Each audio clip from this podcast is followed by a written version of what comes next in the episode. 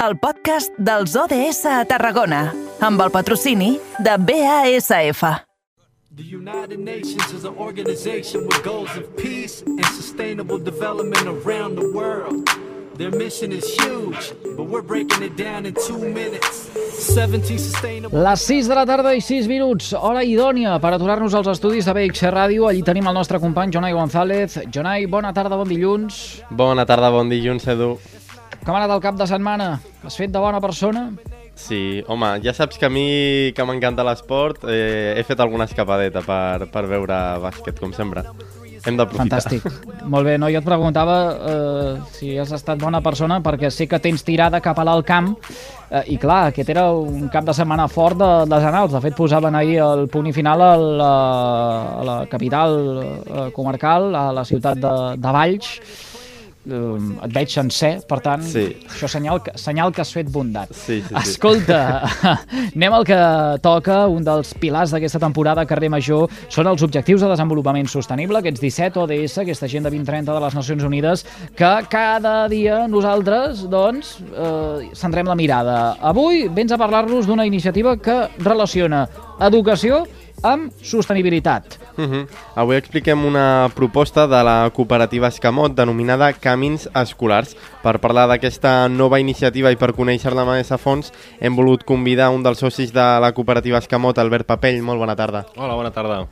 Bé, avui volem parlar sobretot no, d'aquesta iniciativa, dels camins escolars, però per situar-nos una mica, què és a grans trets la cooperativa Escamot? Mm. La cooperativa Escamot doncs, ens dediquem bàsicament a tres àmbits. Un és el de la formació i la sensibilització, al voltant de la mobilitat sostenible, de l'ús de la bicicleta, del caminar. Per altra banda tenim el que li diem l'espai bicicleta, temes de, de formació en anar en bicicleta, un taller de mecànica que tindrem properament obert al públic i també tenim la banda de consultoria, d'assessorament, que és on s'englobaria el, el treball que fem en l'àmbit dels camins escolars. Uh -huh. Llavors, com sorgeix aquesta iniciativa de, dels camins escolars? Els camins escolars no és una iniciativa que ens inventem nosaltres, sinó que aquesta ja té, té molt de recorregut. Els primers camins escolars es va fer a Dinamarca, a la ciutat d'Odense, als anys 70, i és cap als anys 90 i principis del 2000 quan es comença implementar a Catalunya i tenim molta experiència, moltes, eh, molta diversitat d'experiències al llarg de tot el territori. Uh -huh. Volem aprofundir en, en aquesta iniciativa, com dèiem, i llavors volem saber què són aquests camins escolars, eh, a què ens referim? Mm -hmm. Bàsicament, els camins escolars el que és una iniciativa per fomentar que els nens i nenes vagin de forma autònoma fins a l'escola i bàsicament que ho facin a peu o en bicicleta. Uh -huh. I què, què, podríem, què, què podríem trobar o com, com es pot aconseguir això en, en una ciutat, per exemple, com, com Tarragona? Com podem impulsar una iniciativa com aquesta? És molt important que sigui un conjunt d'agents els que intervenen en un procés d'aquest tipus. No, no val que només les famílies, per exemple, estiguin interessades si no hi ha un suport de l'administració Sí. local, sinó, sinó també la, la policia local també ha de tenir un rol, el propi centre educatiu també ha d'intervenir. Per tant, nosaltres eh, fem molt èmfasi en aquest rol comunitari que ha de tenir tot allò que envolta el centre educatiu, ja siguin famílies directament de- d'infants escolaritzats, com l'entorn, comerços, serveis, entitats que puguin estar a l'entorn del centre educatiu que també poden tenir un rol en aquest fer més amable el camí fins a l'escola. Mm. A- Ara, eh, senyor Papell, a mi m'ha fet pensar en aquella iniciativa eh, que eh, molts municipis posen en marxa en el marc eh, de la Setmana de la Mobilitat Sostenible i Segura. No sé, eh? eh, jo per proximitat conec a la d'Altafulla, eh, n'hi diuen a peu al col·le, fa uns quants anys fins i tot eh, van eh, pintar amb uns eh, motlles unes petjades no? per les voreres en punts estratègics per tal de fomentar eh, que més enllà d'aquesta setmana estrictament, la canalla eh, anés això, a, a peu fins al seu centre eh, eh, escolar. No sé si eh, quan parla d'unificar, de trobar tots aquests agents que mirin amb bons ulls, mirin de cara a una proposta d'aquest tipus, ens referiríem a això. Escoles, administracions, eh, AFAS, eh, de, de dirigir la mirada tots en una mateixa direcció. Correcte. Eh, precisament Altafulla és un dels municipis que ens han contractat a, a la cooperativa per, dur, per dur a terme eh, aquest projecte d'acompanyament als camins escolars. No? I el que farem... Eh, és el que li diem un disseny participat. No? Eh, Hem començat amb una enquesta que hem enviat a totes les famílies dels centres educatius en què els hi preguntem quatre coses bàsiques de com es desplacen l'anada i la tornada de l'escola, no? si ho fan a peu, per quin motiu, per la comoditat, perquè em ve de pas cap a la feina, perquè hi vaig caminant perquè ho considero així per salut, per, per temes d'ecologisme, i la segona fase serà el disseny participat d'identificar aquells punts negres, aquelles problemàtiques que puguem tenir, per a partir d'aquí fer millores, no? que ens permetin això, aconseguir l'objectiu final, que de manera autònoma, eh, evidentment, criatures que puguin puguin fer-ho de- a, a partir de certa edat, puguin desplaçar-se a l'escola i això ens fa al final una ciutat més amable, un poble més amable, tant per la, la població escolaritzada com pel conjunt de la població. Mm, permeti'm, doncs, ara que es compri una miqueta cap a casa Mhm. i, li pre i li pregunti per, per les conclusions o, o, o la, la mostra d'aquestes enquestes. Eh, què han sentit les famílies? Encara no ho tenim. Uh, just estem, hem fet tres setmanes d'enquesta i avui hem començat la tercera setmana. Avui precisament hem enviat un recordatori, estem en contacte amb els tres centres, el Roquissà, la Portalada i l'Institut, eh, i hem enviat un recordatori a les famílies. Més o menys estem en un 50% d'índex de resposta, que és, que és força, estem molt contents, la veritat, però ens falta encara aquesta setmana per poder tenir... Nosaltres no els tenim, la, les respostes les reben als centres i a nosaltres ens arribaran filtrades, no?, temes de dades personals que nosaltres no hem de tractar, i per tant, a finals de setmana, a principis de la següent, eh, et podria respondre la pregunta. Avui encara no puc. N'estaré el cas, no en tingui cap dubte eh, perquè, perquè m'interessa. Ha apuntat una, una cosa molt interessant. Punts negres. Clar, ens hem d'imaginar que eh, tots els municipis no tenen les mateixes característiques. Mhm. Mm, eh, D'una banda, ja eh, pensant en el eh, nombre d'escolars. Eh, Mhm. D'altra banda, per la quantitat dels centres. Però és que eh, aquí el que és eh, vital d'assenyalar és també l'orografia Mhm. eh, del terreny, de com estan repartits aquests equipaments Mhm. eh, en les nostres poblacions. Això suposo que, que és molt important a l'hora de dissenyar tots aquests recorreguts i no sé si sempre són, vi eh, són viables. Correcte. És veritat que hi ha certs condicionants que, que faciliten no? o, o dificulten l'èxit d'una iniciativa en aquest cas. Uh, estudiosos d'aquest tema, per exemple, el Pau Avellane- Avellaneda, que és un dels que nosaltres eh, sempre referenciem, perquè és un, un geògraf que ha estudiat molt el tema dels camins escolars, el cita, no? el que comentaves de com és el municipi, no? com es distribueix aquest municipi, si és més compacte, si té un nucli urbà més compacte o menys, uh, i on està situat el centre escolar en concret, si, si està situat eh, dins del casc urbà, si està situat al límit, si està situat fins i tot fora del casc urbà, això farà que sigui més fàcil o més difícil assolir l'èxit. És veritat que no podem dir que si està fora d'un casc urbà és impossible poder fer un camí escolar. No, el que hem de tenir en compte que tindrà unes característiques pròpies i per tant les actuacions seran diferenciades d'aquell nucli, d'aquell centre eh, educatiu que està dins del nucli urbà, amb una trama compacta, més densa i que per tant un camí serà més fàcil segurament de dissenyar. El gran enemic dels, dels camins escolars, les urbanitzacions. Segurament sí, però no és l'únic. Jo crec que el, principal són els hàbits de mobilitat que tenim. Que, que, que tots i totes estem molt acostumats al cotxe, eh, que el, com, el cotxe és molt còmode en general i que ens hem d'adonar que té molts avantatges però que també té molts perjudicis. No? I que, que hi ha estudis, per exemple, que, ens, que, que eh, vinculen, diguem, eh, contaminació amb, amb retard en el desenvolupament dels infants. I això és un tema que ens ha d'ocupar i ens ha de preocupar. Hi ha molts estudis que van en aquesta línia i, per tant, eh, si volem treballar per la salut dels infants, que crec que seria un consens que podríem tenir tots i totes, eh, hem de treballar per reduir la contaminació al voltant dels centres educatius i a les ciutats en general.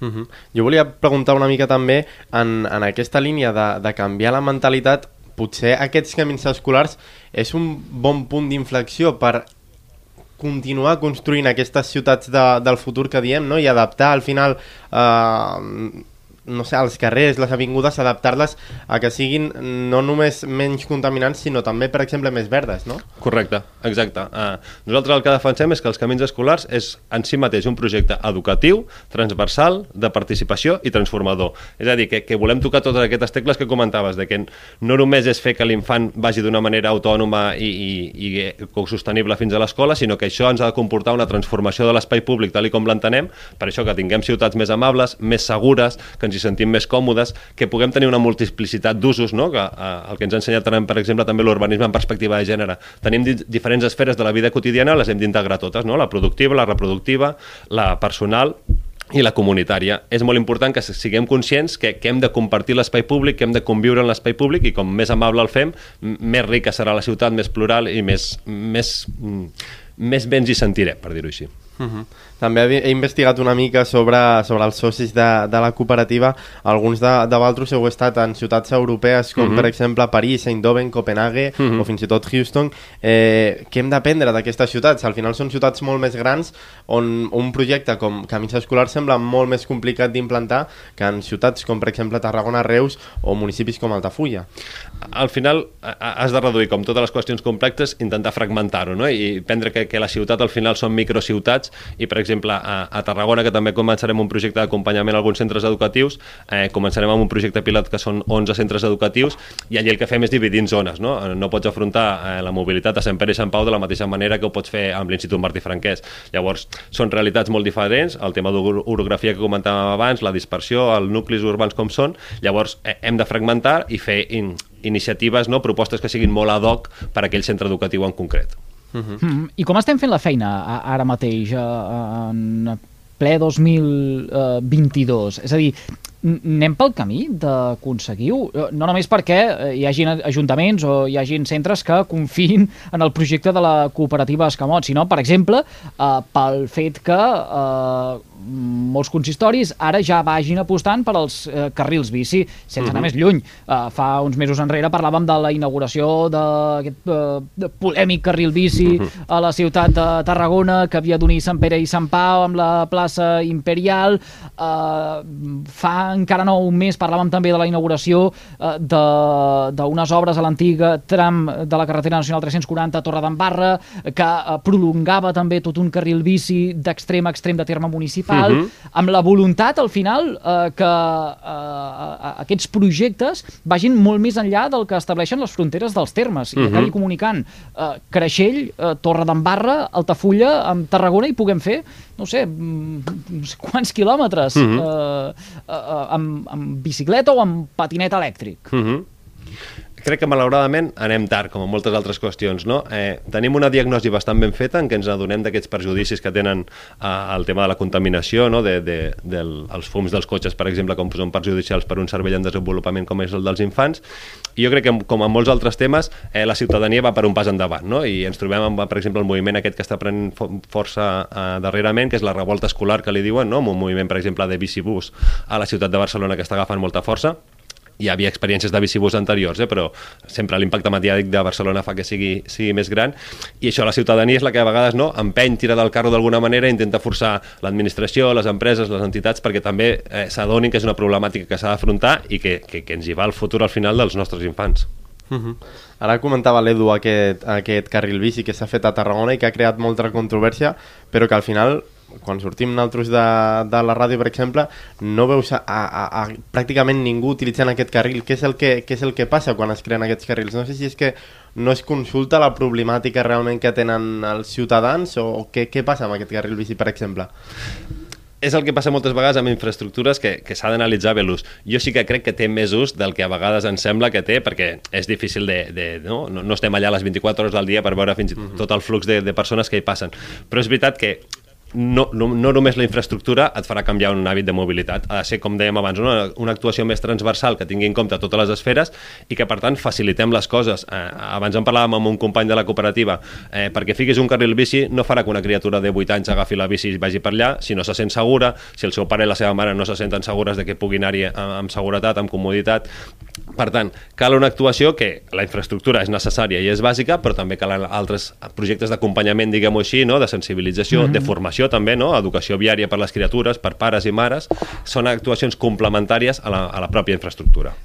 I quant de temps faria falta realment perquè uh, un projecte d'aquest tipus es consolidés uh, i, i se'l uh, sentís seu la ciutadania? Analitzant uh, tot aquest munt de fronts al final que acaben incidint eh, en el canvi de la mobilitat i que uh, la gent realment ho vulgui, ho vulgui aplicar. Avui nosaltres hem començat el, el programa entrevistant el coordinador de Greenpeace uh, a nivell català i ens explicava o es feia ressò de uh, l'objectiu d'anar cap a uh, un tractat que garanteixi el, el, el, els oceans i es posava la data del 2030. Al final sembla que tot ens ho posem al 2030 com tants objectius de desenvolupament sostenible.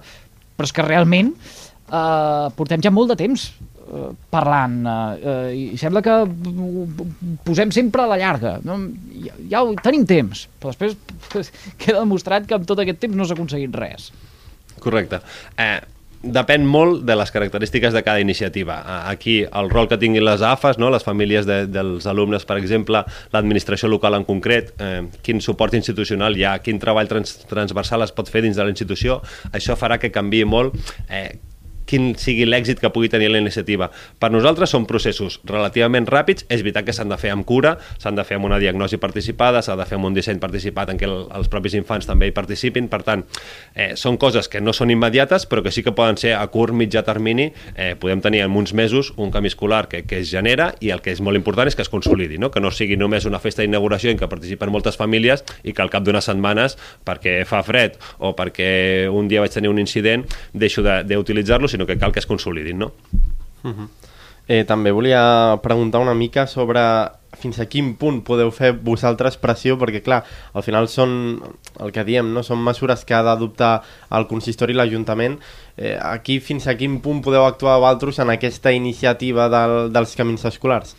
Nosaltres el que fem bàsicament és sensibilització tant als centres educatius com a les famílies, a, a través de xerrades, per exemple, en què doncs, expliquem una mica no? avantatges, beneficis que poden tenir els camins escolars amb aquesta multidimensionalitat, multidimensionalitat que comentàvem abans i també fer propostes de millora que siguin factibles. El que s'ha vist no? amb estudis que s'han fet, amb les poques avaluacions que s'han pogut fer en, aquest, en aquestes iniciatives, s'ha vist no?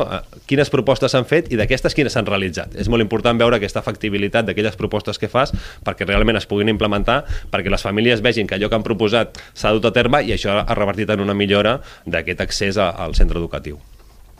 Estarem al cas, eh? A mesura que a, a vagin avançant aquests uh, camins uh, escolars, uh, jo particularment ja m'he notat aquí, final de setmana, tenint en compte què és el que opinen les famílies sobre els seus hàbits de mobilitat per anar a l'escola, en el cas uh, d'Altafulla. Uh, però com dèiem, uh, la idea és molt bona, s'ha d'anar materialitzant de mica en mica, tothom se l'ha de sentir seva i més enllà, estrictament d'aquella setmana, jo, mm, quan hem començat a parlar, de seguida m'ha vingut en ment la setmana de la mobilitat sostenible i, i, i segura. És quelcom que hauríem d'incorporar ja en les nostres eh, agendes, aquests eh, mitjans de eh, transport que ens han d'ajudar eh, deixar un planeta millor a les futures generacions eh, i a la vegada ens eh, ajudaran o contribuiran eh, en, la nostra, en la nostra salut. Estem Moltíssimes gràcies a l'Albert Papell, un dels socis de la cooperativa Escamot avui per passar pels estudis eh, del carrer Major de les Ràdios de la xarxa al Camp de Tarragona per explicar-nos-ho. Moltes gràcies a vosaltres. A disposar.